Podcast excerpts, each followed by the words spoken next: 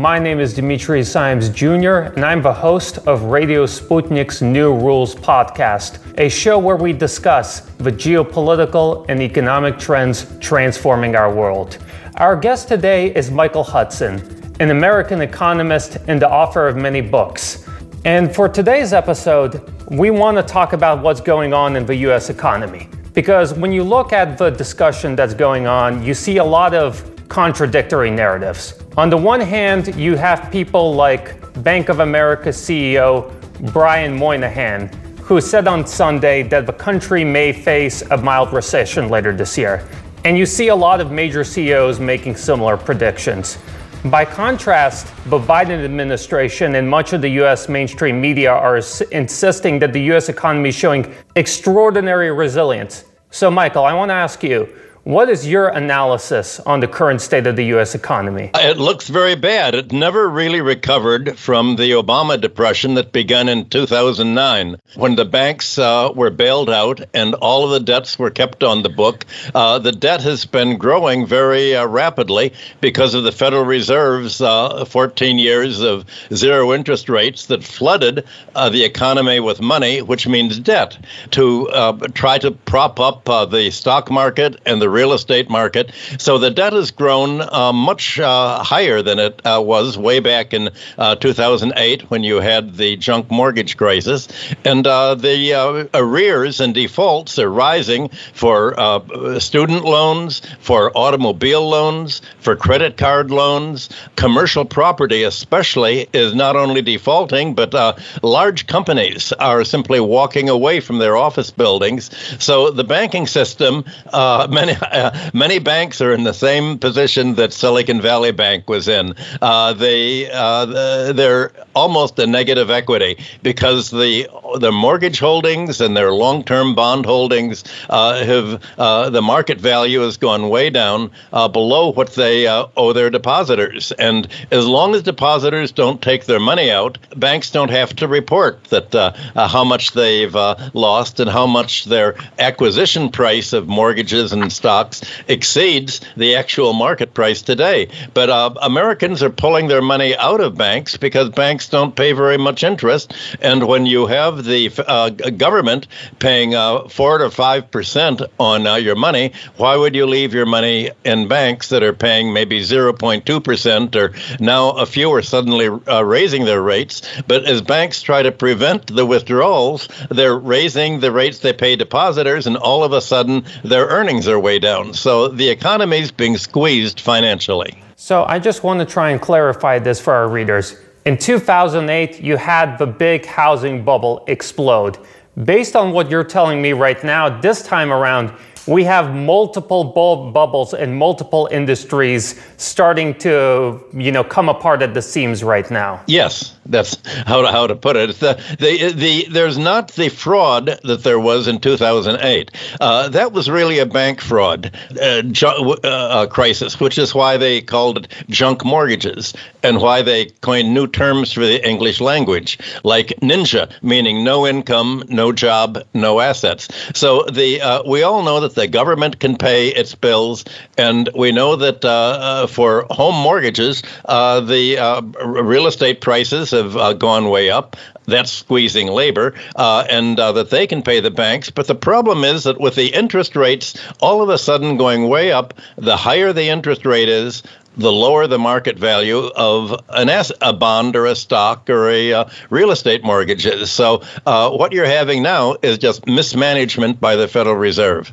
And I guess that really does beg the question because as I mentioned in my first question, Biden administration says that the US economy is showing incredible resilience. They say that look at the job numbers. We are creating so many new uh, employment opportunities. We're bringing jobs back to America.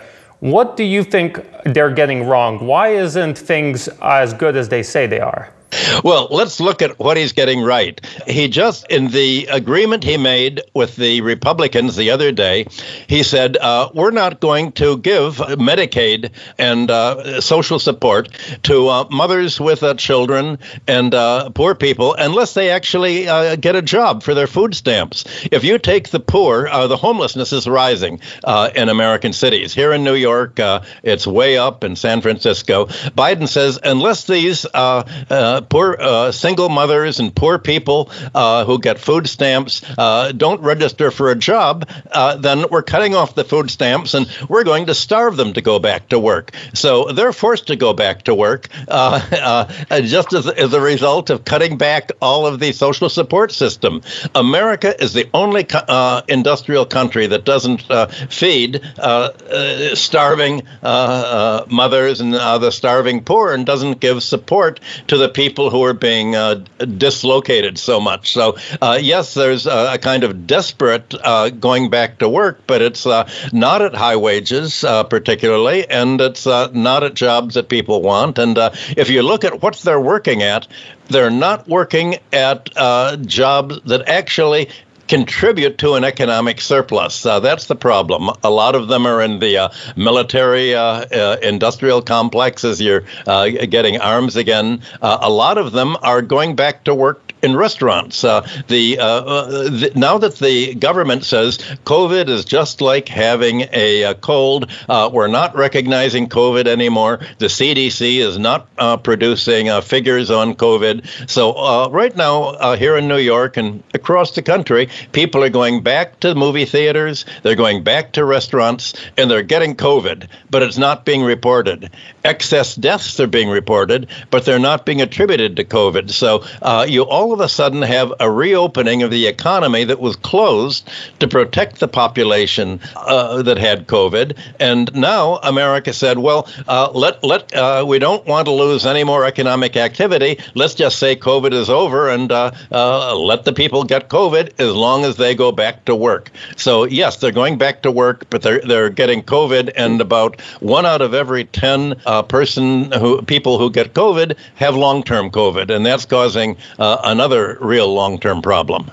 I want to uh, touch a bit more on an idea that you mentioned that a lot of the jobs are being created are in sectors like the military industrial complex, which are not necessarily economically productive or the most economically productive sectors. Could you elaborate on that idea? Where are we seeing the job growth, and to what extent are these sectors conducive to long term economic growth and development? It's hard to see exactly uh, what right now, uh, the composition of the labor force, but it's not into industry and uh, manufacturing. America's already moved its manufacturing and industrial base off uh, uh, offshore. So, yes, uh, some of them is in military, and what military produces is campaign contributions for the uh, congressmen who are supporting the uh, uh, NATO war in uh, in in the Ukraine and the uh, China Sea. But there's not really much uh, activity of the kind that made America strong in the earlier 20th century. It's not really industrial activity. There is an there is a construction uptick, and I'd say it's construction and public entertainment, restaurants uh, contact with people that were the sectors that were closed down during COVID. I guess how is that possible since Biden has touted reshoring as one of the central platforms of his presidency? He says, you know, we're going to bring jobs back to America. We're going to be manufacturing semiconductors, microchips, and other strategically important technologies here at home. Isn't that supposed to be happening right now? I'm not sure. Uh, uh, you can't just go out on the street and hire people uh, to make microchips. Uh, you ha- it's cost about. Uh, sometimes I think there's a, a, new factory being made for them that cost uh, over ten billion dollars, and that factory by a Taiwanese microchip company is going to take quite a few years to make. There's no way that America can become an industrial power again. There is no way that it can restore its and it uh, writes down the enormous amount of debt and uh, housing prices and medical uh, insurance uh, that uh, the American wage earner has to make. It, just imagine this: if you were to give wage earners everything they buy at the stores for nothing. Give them all the food, all the clothing, all the entertain, uh, all of the uh, transportation, uh, all everything they need. They still couldn't compete with foreign workers because they have to pay so much money on debt service, on housing, uh, which takes about uh, between 30 and 40 percent of their income. Uh, they have to have medical care that's 18 percent of America's GDP, higher than any other country. So the the money to the finance that is paid to the financial, insurance, and real estate sector in America is so large that uh, it it prevent uh, there's no way that America can be competitive with other countries. And so what what uh, the Biden administration is trying to do is saying, well, okay, we uh, I understand that we can't compete in prices. I understand that our labor cannot compete with foreign labor anywhere near it. But if we can um, militarily tell everybody not to give China, Russia, India, Asia, and other countries what they need to make uh, wafers and chips and uh, uh, information technology, then they'll have to uh, uh, buy everything here from high cost America because we can charge monopoly prices. And our prices will be so high that we can uh, basically impoverish the rest of the world by uh, controlling uh, everything that they really need to work. We can control their uh, energy. We can control their oil. We can control their computers by uh, sanctions against China, Russia, Iran, Venezuela, any country uh, that does not ag- agree to let us control their economy and buy control of it. And any country that doesn't agree to let America uh, produce all of the monopoly uh, goods that are most profitable, the int- the uh, ones that can be uh, patented intellectual property rules with uh, information technology, other high technology, uh, solar uh, technology, then uh, we're going to uh, have to treat them like we've treated Ukraine. You know, this is really fascinating because when we generally talk about sanctions, we think of them as first and foremost as geopolitical t- tools of pressure, right? That the United States uses sanctions as an alternative to military force. But what I'm hearing from you is that for the United States, sanctions has not only become a political tool, but an economic necessity as well. Well, that's what sanctions are. They're intended to be uh, an economic uh, uh, tool uh, of coercion. Sanctions are a form of coercion, saying, uh, well, if you can depend on us for your food, for your oil, and we can turn off uh, your oil, then you'll be freezing in the dark. And if we can block food to you, then you can't afford to eat. and if we can get you high enough in debt to us that all of your export surplus has to go to uh, uh, paying uh, the money that the IMF and the World Bank and other foreigners have lent you, then you're totally dependent on you. And that's what America's strategy is to make other countries dependent on it so that they don't have a choice. For America, a, is a free market is to take away the economic freedom of every other country and make that freedom uh, complete, uh, uh, completely dependent on the U.S. The United States is to have the freedom to tell other countries what to buy, what to produce, what to import, what not to export. Uh, so it's a one sided, uh, asymmetrical uh, freedom, and it has nothing to do with the free market patter talk that you hear out of the speechwriters for Mr. Biden. You know, I mean, that's the goal, right? But, you know, I'm recording this from Moscow, Russia, right? And since the start of the Ukraine conflict, I've had an opportunity to travel to several different cities across Russia. I have to admit, I'm pretty surprised by how little life has changed in Russia as a result of sanctions. And I have an opportunity to talk to business people in different industries, and they're also pretty surprised at how quickly Russian economy has adapted to sanctions. So I guess from your point of view, is sanctions still the effective tool that it once was, or has it lost its edge? Oh, sanctions have been very, very effective. Uh, but uh, I think you've got the players wrong. The sanctions uh, were uh, against Europe, uh, not against uh, Russia. the the United States calculated two years ago that it cannot compete with Eurasia. It, it's losing. it knows that it's lost the long-term fight for not only dominance but the long-term fight to be a major player. So it says, what can we do? We know that we cannot compete with uh, Eurasia, with China, Russia, Iran, and uh, uh, the rest. But uh, the one thing we can do is lock in American prosperity by making Western Europe and uh, the English speaking countries, Australia and New Zealand, uh, completely dependent on us. the sanctions are to lock in European and English speaking dependency on the U.S. The, the, Russia is just a side beneficiary. The sanctions have done for Russia what uh, protect protective tariffs did for the American economy uh, in the 19th uh, century. The sanctions have obliged Russia to become self sufficient in food production, in uh, uh, manufacturing production, in consumer goods. Uh, the sanctions have helped Russia rebuild its industry and cured it of uh, the neoliberal sort of junk economics that the Americans sponsored in the 1990s. So the sanctions have, have helped Russia and China, not hurt it, but they've uh,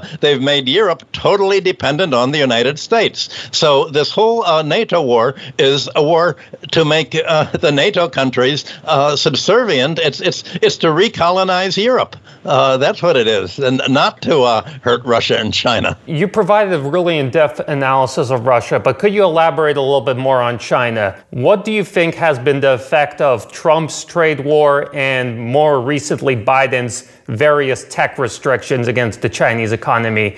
Will these hurt Beijing or actually empower Beijing? Well, China has a great benefit that uh, the Western countries don't have. Uh, it treats money as a public utility. Uh, it's banking is a state bank, not a private banking system. In America, the private banks lend money to uh, basically uh, the financial sector to make money in the stock market and the bond market, buying stocks and bonds already issued, and in the real estate market, buying uh, homes and commercial real estate that's been built long ago. Uh, they don't. Uh, banks in in the West do not um, lend money to build factories or machinery. They don't lend money to set up business. They leave that to the stock market, uh, basically, but not the banks.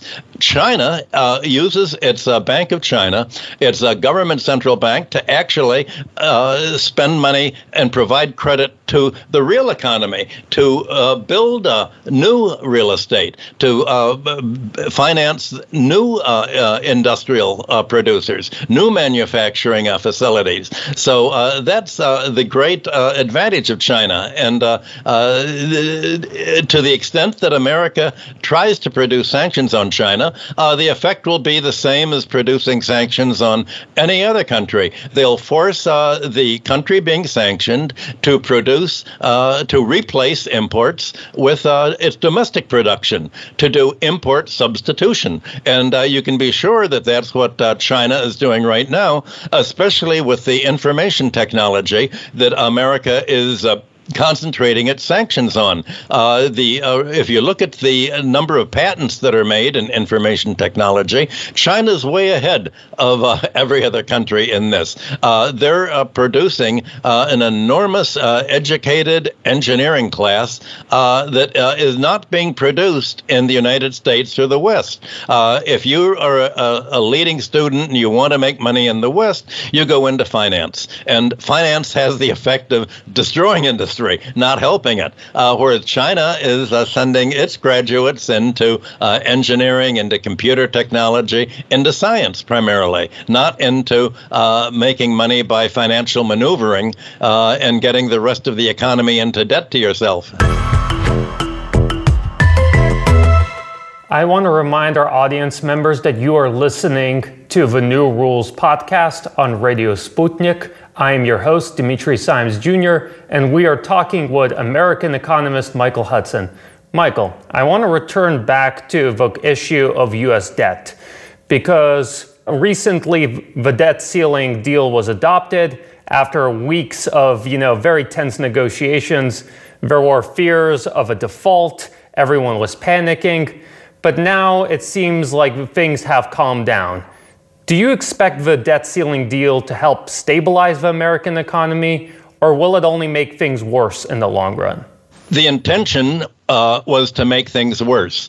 There was never any debt crisis at all. Uh, the government could have simply continued to uh, uh pay its bills that for projects that Congress had already approved. Uh, there was no way that the government was going to default on uh, its treasury debt because, after all, the treasury debt is held by the wealthiest 10%, and the government is not going to do anything that hurts the 10% and uh, and benefits the 90%. Biden is sort of the anti uh, Roosevelt. Uh, 90 years ago, when Roosevelt wanted to introduce uh, uh, productive pol- uh, social policies, he went to um, the left wing groups in the Democratic Party and said, "Make make me do this. Make make me do the the all of the public reforms that I'm putting in the New Deal." and they did. Well, Biden met, I guess, a uh, in January with the Republicans and he, uh, that were coming in,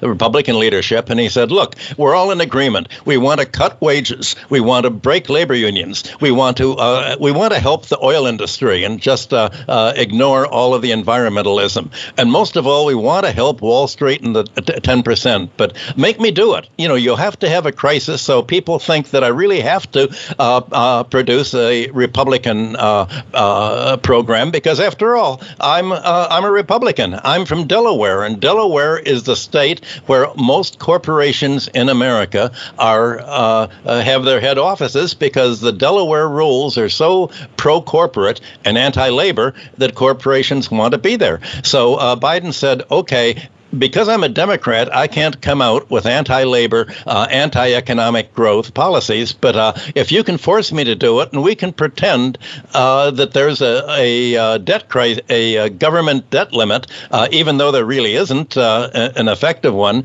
then I we can orchestrate it over television, and we'll make it for a couple of weeks. it'll be like you're watching a wrestling match, a good guy and the bad guy. We can say, how on earth can America pay its debts, and we can somehow say, yes, the problem's solved. Uh, we've canceled the Medicaid support for the poor. Uh, we've uh, we've given uh, the go-ahead to the oil industry uh, to uh, drill on public lands. We've uh, cut back the social programs, uh, and then, of course, the day after the debt agreement was put in, cutting back the social programs, you had the Maine, the senator from Maine, Susan Collins, say, "Well, one now that we've balanced the uh, the budget, made a debt limit for this, uh, we have to realize uh, the war in Ukraine uh, is, uh, requires us to vastly increase the military budget because there are no more tanks, and uh, all the tanks and the armaments and the airplanes have been all used up in Ukraine. We have to vastly increase the military budget, and because we've agreed on a spending limit, then we've got to cut back the social programs that we've just cut back and cut them back even more. So uh, what you're seeing this right now is the class war is back in business in the United States. This is class war with a vengeance that you're seeing, and uh, the uh, you're seeing labor being squeezed uh, without really much to do. Local, city, and urban budgets are being squeezed uh, throughout the country. Uh, so, and that's one of the big problems: the budgetary squeeze. you're having the banks being squeezed by the defaults on commercial real estate that they're exposed to, and uh, the rising defaults on the personal debts uh, that I mentioned before uh, that they're exposed to. So the economy is really in trouble. And uh, when you, you have a crisis like this, fortunes are made of other people's distress. You're going to see a huge sucking up of money from the 90% of the population to the uh, richest uh, financial 10%. And that's really what was orchestrated in the last week's docudrama uh, over the, the pretense that America might not have paid its uh, its uh, treasury bills. You know, it's quite interesting because I, I'm old enough to remember Obama Biden back in 2008, 2008, 2012, and they were talking about that we as Democrats support a redistribution of wealth. And at the time, it was assumed that this redistribution of wealth would be from the poor, from upper income to lower income brackets. But it, now it seems that the, the redistribution of wealth is going the other way around taking from the poor to give to the rich. That's uh, what politics is all about in America. and uh, you can look at the donors. If you look at the donor class, who who are the donors? The donors are uh, the wealthy, uh, the beneficiaries of government policy. But if we take a look at the f- national debt, for example, the U.S. federal government uh, budget deficit hit 1.1 trillion in the first half of this fiscal year. And the Congressional Budget Office predicts that this problem is only going to get worse over the next decade as interest rates go up. I guess this begs the question how sustainable is the US federal deficit and how much longer can the US keep up this seemingly unlimited spending that we've become accustomed to? To an infinite amount. As long as the debt is in its own currency, and as long as you print the currency, uh, you can print however much uh, you want. You can uh, you'll never default because you can just create the credit. That's what the Federal Reserve did with its zero interest rate policy. It distorts the economy, and the economy can shrink and be uh, torn apart but the government can always pay its debt by simply printing the money. The problem uh, that is tearing the American economy apart is not the government debt, it's the private debt uh, that is leading to a default. And when you default on your debt, uh, you forfeit your property to the creditors. So what you're seeing now is a large scale transfer of property, a transfer of real estate, a transfer of cars that people had bought but couldn't keep up the payments on,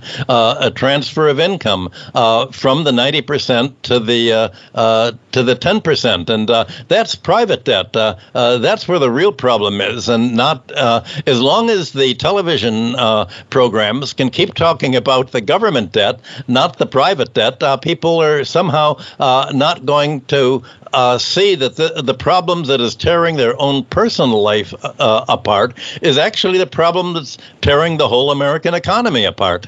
So, would you say that the government debt is not a problem and that Americans shouldn't really worry about it?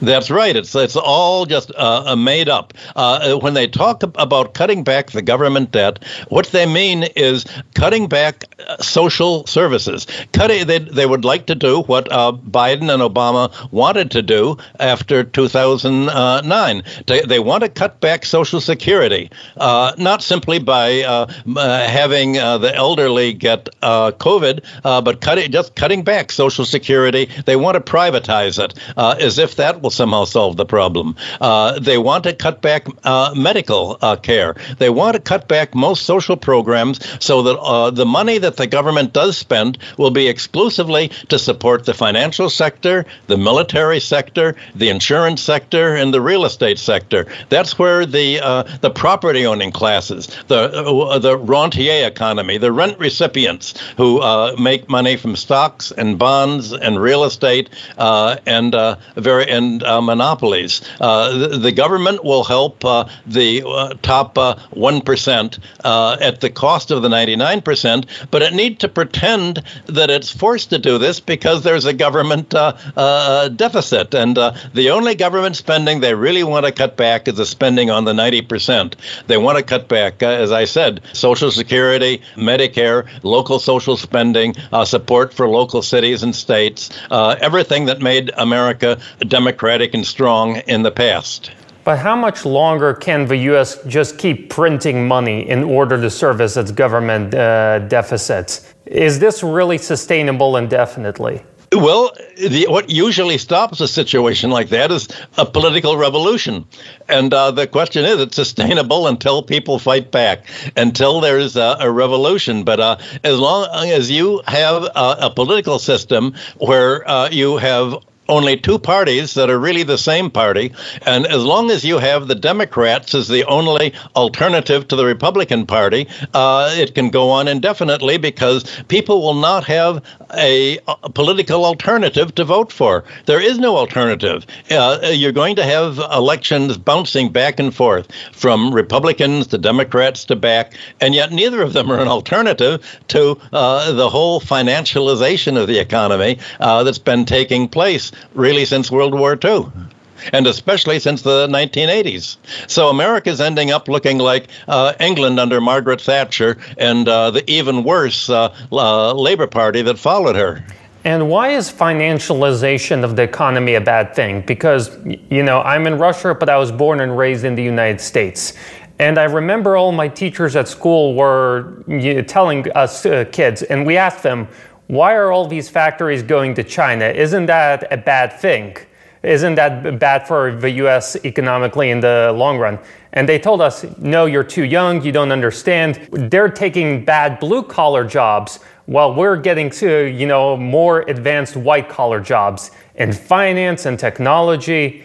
Why is it, you know, what's the problem with that sort of model? Why can't the United States just have an economy that's built mostly on white collar professionals in offices? Finance is really not part of the economy. Think of there are two economies uh, in every country. You have the production and consumption economy, which often people call the real economy, you know, making things and uh, selling them and uh, using them. Uh, and you have the financial sector that provides credit uh, for this. The financial sector lives in the short run. How can we make money over the next three months or over the next year. And uh, fi- the financial managers uh, make money according to how much they can push up the stock of their company, the, the share price of their uh, their their stocks. And you can push up in the short run the shares of your stocks by not not investing, by using your profits uh, to pay out as dividends, which will push up the share price, or just simply use the profits to buy your shares. That'll push up the share price,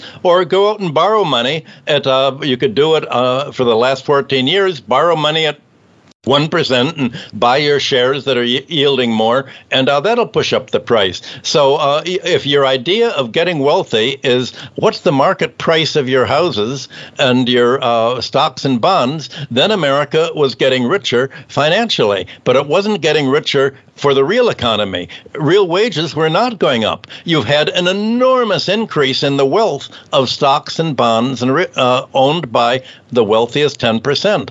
But uh, the 90% of the population own maybe 10% of the stocks and bonds, and they're dependent on uh, working for a living and getting a paycheck, and their living standards have not uh, gone up, and the conditions, their working conditions, have gone way down and become uh, very, much more tightened and uh, unpleasant, quite uh, frankly. Uh, so uh, you, you, there's a confusion as if somehow, uh, are you going to think of the economy as Wall Street and making money on stocks and bonds and lending money uh, to real estate, or uh, or are you going to think of an economy employing uh, workers at rising uh, living standards, is uh, th- that kind of growth. What is your idea of what an economy is all about?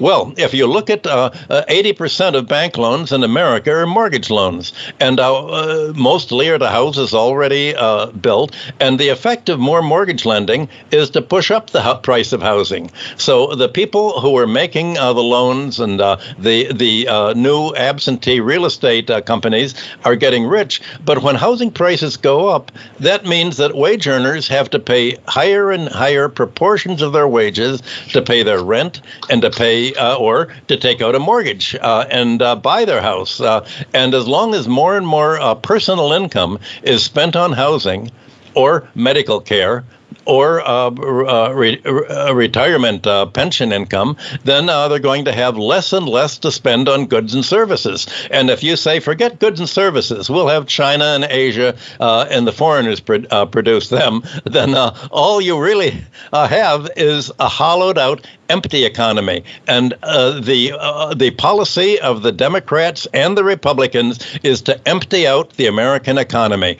uh, and that's why COVID is such a godsend uh, to the uh, to the Democrats. They're just saying, take off your masks. It's just like a cold. Uh, forget the long COVID. forget the increasing debt rate. America is a country where the lifespans are shortening more than any other country in the world.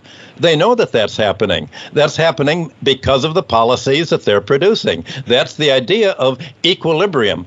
To have equilibrium, you have to make American wages go down even more, uh, below the reproduction rate. You have to have a short a shrinkage of population uh, uh, throughout the United States. That's their idea of equilibrium, uh, and their equal uh, their definition of equilibrium is how can the debts be paid.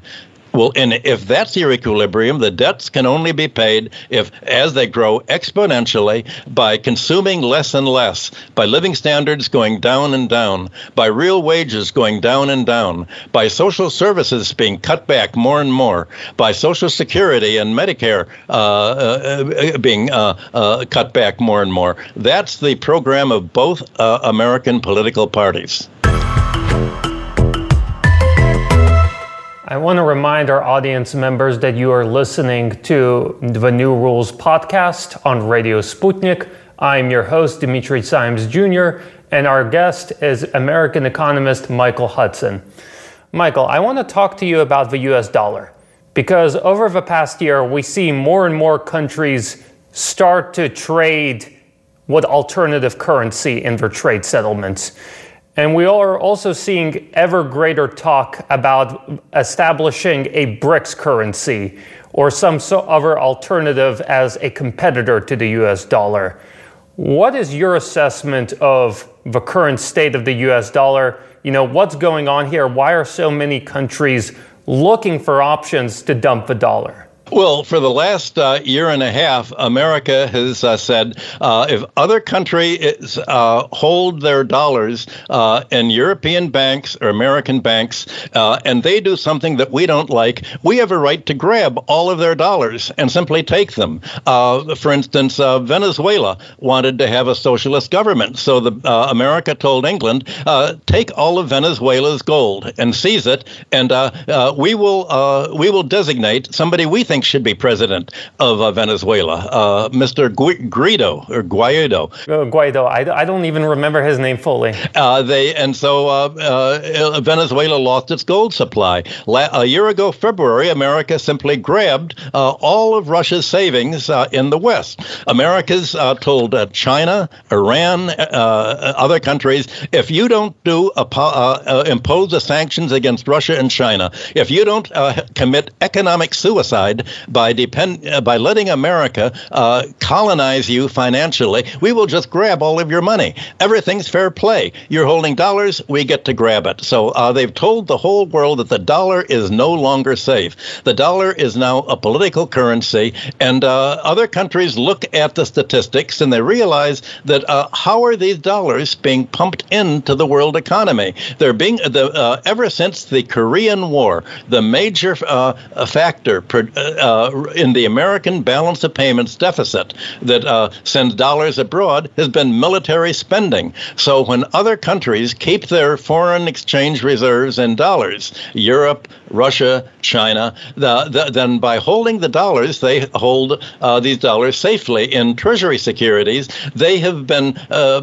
uh, buying a treasury security has been fund the way of funding America's 800 military bases surrounding them. So foreign countries have paid for America to surround them them with military bases and to fund America's military because uh, the, the dollars that are in the world are the uh, monetization of American military spending. That's what my book Super Imperialism was all about. Uh, and this was a uh, very uh, conscious policy uh, by the United States, by the Defense Department. I had many meetings with the State Department, the Defense Department, Uh, way back uh, r- uh, right after America went on gold, and they were very clear that yes, as long as we can have other countries holding their reserves in dollars, not in gold, not in any alternative to the dollar, then we can spend all the money we want militarily, and they will not dare fight against us. so other countries now decide, wait a minute, America. We're seeing what NATO is doing uh, in uh, Ukraine, fighting to the last Ukrainian. We see that they're now trying to get Taiwan. Uh, they would like Taiwan to fight to the last Taiwanese. Uh, they'd uh, like to promote military uh, instability all over, so they're they're bailing out of the dollar. How do they do this? how do they finance their trade? Well, Saudi Arabia and China sat down and said, well, most of our trade really is with each other. Saudi Arabia has been buying American military uh, uh, Uh, uh, goods, but then it realizes that America, uh, if uh, can simply stop uh, uh, giving them spare parts and repairing their goods, so uh, Saudi Arabia and China are dealing in their own currencies now with currency swaps, and the BRICS countries, Russia, China, Iran, other countries are all putting in place currency swaps to deal in their own currencies for trade amongst uh, themselves. Well, so far, these are only bilateral deals uh, because there isn't really uh, a common alternative currency. In order to make uh, an alternative currency beyond merely holding each other's currency, you would have to have an alternative to the International Monetary Fund. And uh, that's what uh, Lula was talking about when he went to Asia. how do we make a a common uh, uh, a common alternative uh, bank. Well, the problem with an alternative bank is uh, you need uh, its members to agree on who gets uh, the credits. the idea is to make something like what John Maynard Keynes proposed way back in 1944, a bank that w- would create paper gold, uh, artificial money, uh, and uh, essentially uh, give it to uh, various countries. It, the kind of special money that this uh, bank w- would create isn't for isn't the kind of money that you spend at the grocery store. It's not money that would spend domestically. It's money to do what gold does, and that is only settle balance of payments deficits among central banks. That's what gold is now. before you had the dollar, the a dollar standard or treasury bill standard in 1971, when countries would run a balance of payments deficit, they'd have to pay in gold. So uh, every month uh, during the Vietnam War, uh, the soldiers in the army would spend money in Vietnam and uh, Southeast Asia. Uh, that used to be part of the French colonial empire. The banks were mainly French. The uh, the banks would send the dollars that were spent to the central bank in Paris, and General de Gaulle would take these dollars and would uh, uh, say, okay, here are the dollars we have give us your uh, gold at uh, $35 an ounce. Uh, and uh, that was how America's gold stock was going way down. It's spending abroad. Not only France was getting gold, but Germany was getting gold by export, running a trade surplus and cashing its surplus into gold. So you're seeing right now other countries and running, instead of getting more dollars as they run a balance of payment surplus, they're buying gold, uh, and they're buying each other's currencies. Uh, it's going to be a while before they can be a real BRICS bank because uh, you're going to have to have a political agreement among a large group of countries over, you know, what kind of money is uh, really going to uh, be created. How are we going to create and allocate this uh, paper gold among countries that can be used for among ourselves? that is still being discussed uh, and uh, we're going to. But when it is finishes being discussed, people will not have to uh, deal with dollars at all anymore. Uh, and in fact, if they trade with the United States, they can say, well, uh, if you want to buy something from China, you pay in our currency. We're not. We're going to uh, cut back our spending on the United States. And all of a sudden, if the United States is unable to have other people keep their savings in dollars, meaning buying treasury uh, securities, then how are they going to pay the international uh, balance of payments costs of their military spending?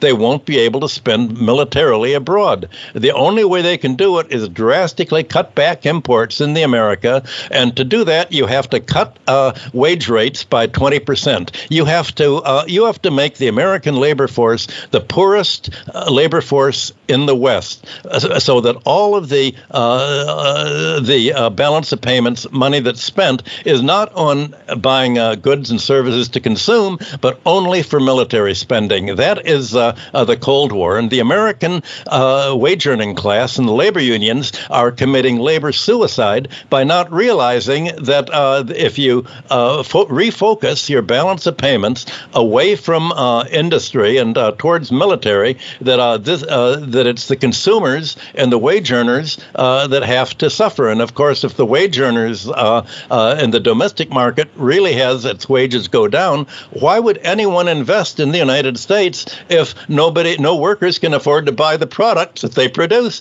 and uh, other countries are uh, buying products from each other, not from the United States? That's what the future is looking like for the U.S. economy.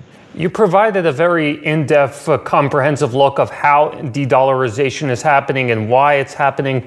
But I want to play devil's advocate for a moment because the argument that you hear from mainstream economists like Paul Krugman in the New York Times and other mainstream outlets is that although there is some incentive for countries to move away from the dollar, that there isn't really an alternative, of, uh, viable alternative at the moment and that the countries of BRICS, that although they may have a common interest in forming a BRICS currency, an alternative to the dollar, these economies are too different, too varied in order to be able to combine, join forces and form their own alternative currency. What do you say to that? How serious are the obstacles to de dollarization? Can they be overcome? Well, let's look at what happened with Colonel Gaddafi, uh, the head of Libya. Uh, Gaddafi said, "We want uh, a gold-based currency for Africa," and so uh, he, instead of holding dollars, uh, he uh, bought gold. So NATO bombed the country to smithereens, caught Colonel Gaddafi, tortured him to death, and grabbed the gold from the central bank. And nobody knows where it disappeared to, but it seems to have disappeared into the State Department To uh, uh, play dirty tricks uh, throughout the world. So uh, uh, Krug- Krugman's, uh, Krugman advocates militarily forcing and destroying any country that wants an alternative to the dollar. He's a he's a, a hawk and basically says do it by force. and in his notorious article in the New York Times, he said, "Well, everybody's all, so used to doing dealing the dollar, they can't find an alternative." Well, almost everybody with a, a, a, broader mind can find an alternative. But if you can have the uh, uh, other central bankers think in the tunnel vision that uh, Mr. Krugman was educated in uh, and share this uh, tunnel vision to say there's no alternative to the dollar, then they're not going to think of how to make an alternative to the dollar. Well, most of my books uh, are all about uh, the how to make an alternative to the dollar, and the the interviews that I'm doing and the oh, my colleagues and I are spending our full time writing writing. We write for the Valdai Club in Russia. I write for the Chinese Academy of Social Sciences. Uh, we're writing with uh, uh for other countries to uh, help create an alternative uh, to the dollar because we don't want to see the world militarized in the way that the U.S. is militarizing it. We want to see a resumption of the the economic potential that the world seemed to have leading up to World War One before the whole economy got derailed uh, a century ago. So, de dollarization is possible. It's mainly a question of political will. Whether the countries interested in the process are willing to, you know, undertake the necessary policy changes in order to make it a reality.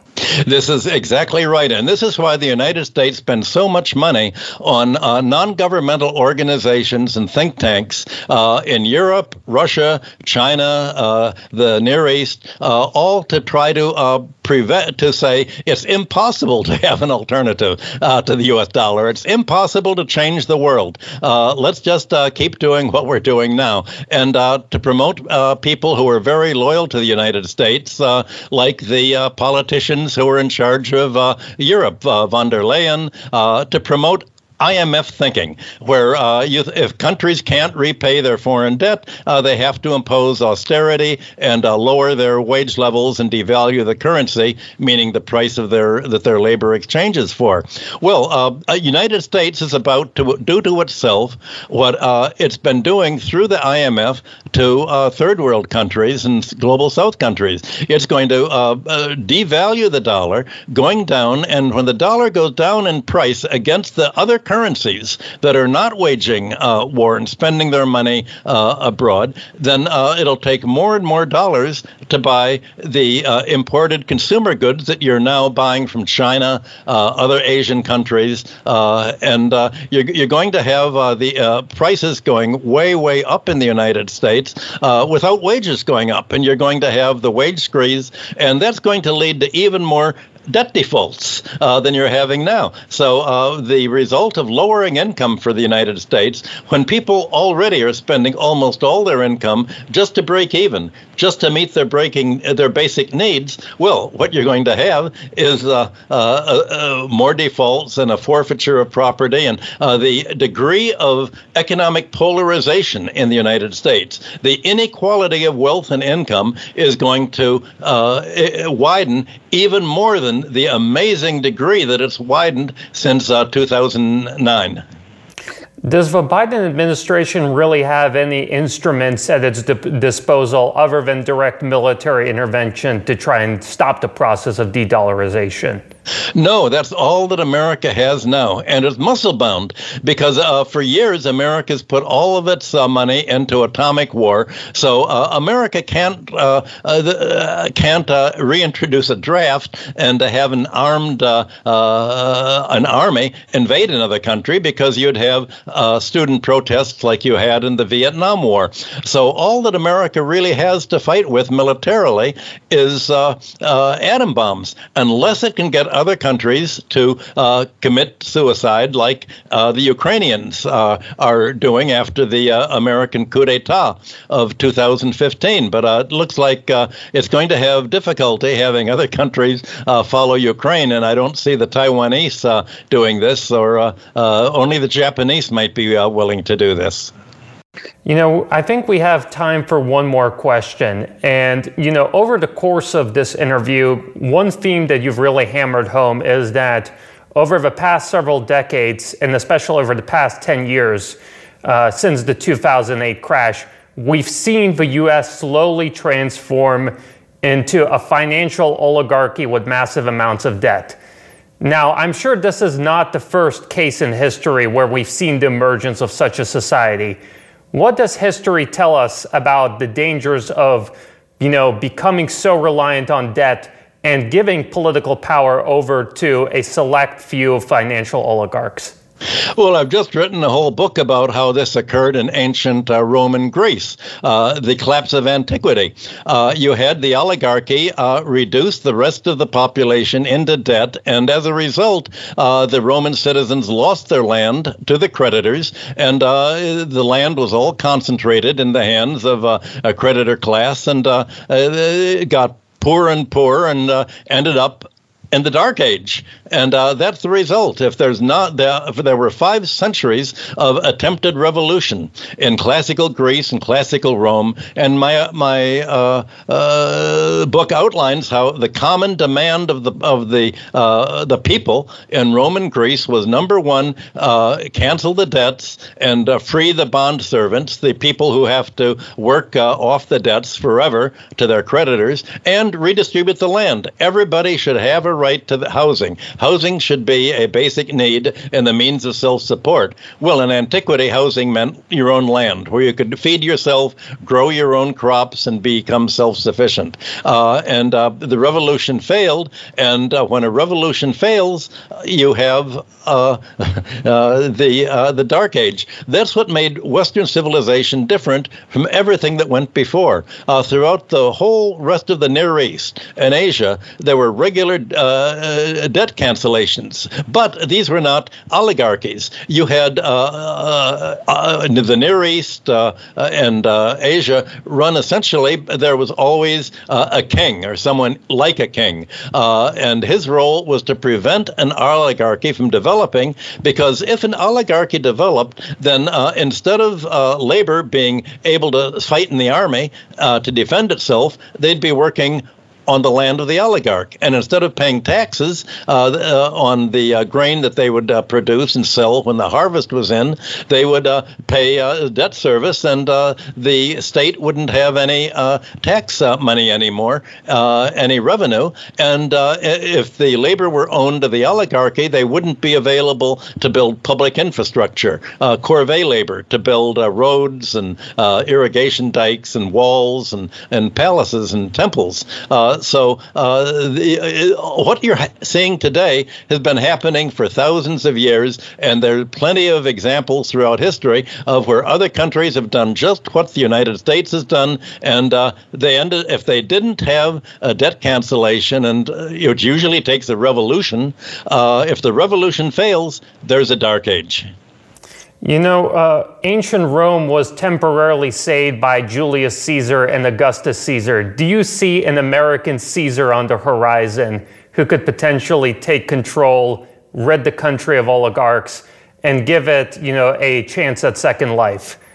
Well, Caesar was uh, assassinated uh, because the Senate said, We're worried he's going to cancel the debts. Uh, Rome had just had a whole uh, fight against uh, uh, advocates of debt cancellation. the cons- Catiline's conspiracy. Catiline had mounted a force to try to fight Rome, and they were all murdered. And Cicero had killed them illegally, for which reason Cicero himself was banned from Rome. But uh, the uh, throughout history, the creditors, uh, people who do not work for a living, who are simply inherit their money uh, or uh, have their money by exploiting people, are willing to fight and die for this right to fight for other people. But people actually produce the wealth. The victims are much less willing to fight uh, militarily or by violence. And the first thing that creditors do, the ruling class, is to have a monopoly of violence. and you had assassinations. Every single century in Rome, the advocates of debt cancellation and redistribution of land uh, were assassinated, and that's what you're uh, having in the United uh, seem to be facing in the United States. Just as the United States has been assassinating foreign leaders uh, for the last 75 years, African leaders, Latin American leaders, uh, Pinochet, uh, the main coming in and assassinating Allende. the same thing happened in Africa. Uh, same things happened throughout uh, the Near East with Gaddafi. As long as uh, you have America saying, uh, we uh, we know the secret to economic stability is to assassinating everybody who disagrees with us and who wants independence from the United States. As long as other countries said, uh, yes, that's what democracy is, we're for the United States, then they're committing suicide and uh, their leaders will be killed again and again and again. That's uh, how uh, the world economy is keeping equilibrium today, and it's a, an equilibrium trying to subject the entire world to the dark age into which which Roman Empire itself declined. And that's all the time that we have for today. Thank you, everyone, for tuning in. My name is Dimitri Simes Jr., and I'm the host of the New Rules podcast here on Radio Sputnik. Our guest was Michael Hudson, American economist and the author of numerous books. To, to keep up with our work, you can go to SputnikGlobe.com. The full audio version of the podcast will be uploaded there. And for the full video version, you can go to our Telegram, Sputnik International, Sputnik INT. If you live in the United States or Europe, that account will be blocked. However, we recently uh, published a new mirror account, Geopolitics Live. that automatically reposts all of our content. So if you are in the United States or Europe, go to Geopolitics Live at Telegram. Finally, you can keep up with our work and all other updates on our Twitter, also Sputnik International, Sputnik INT.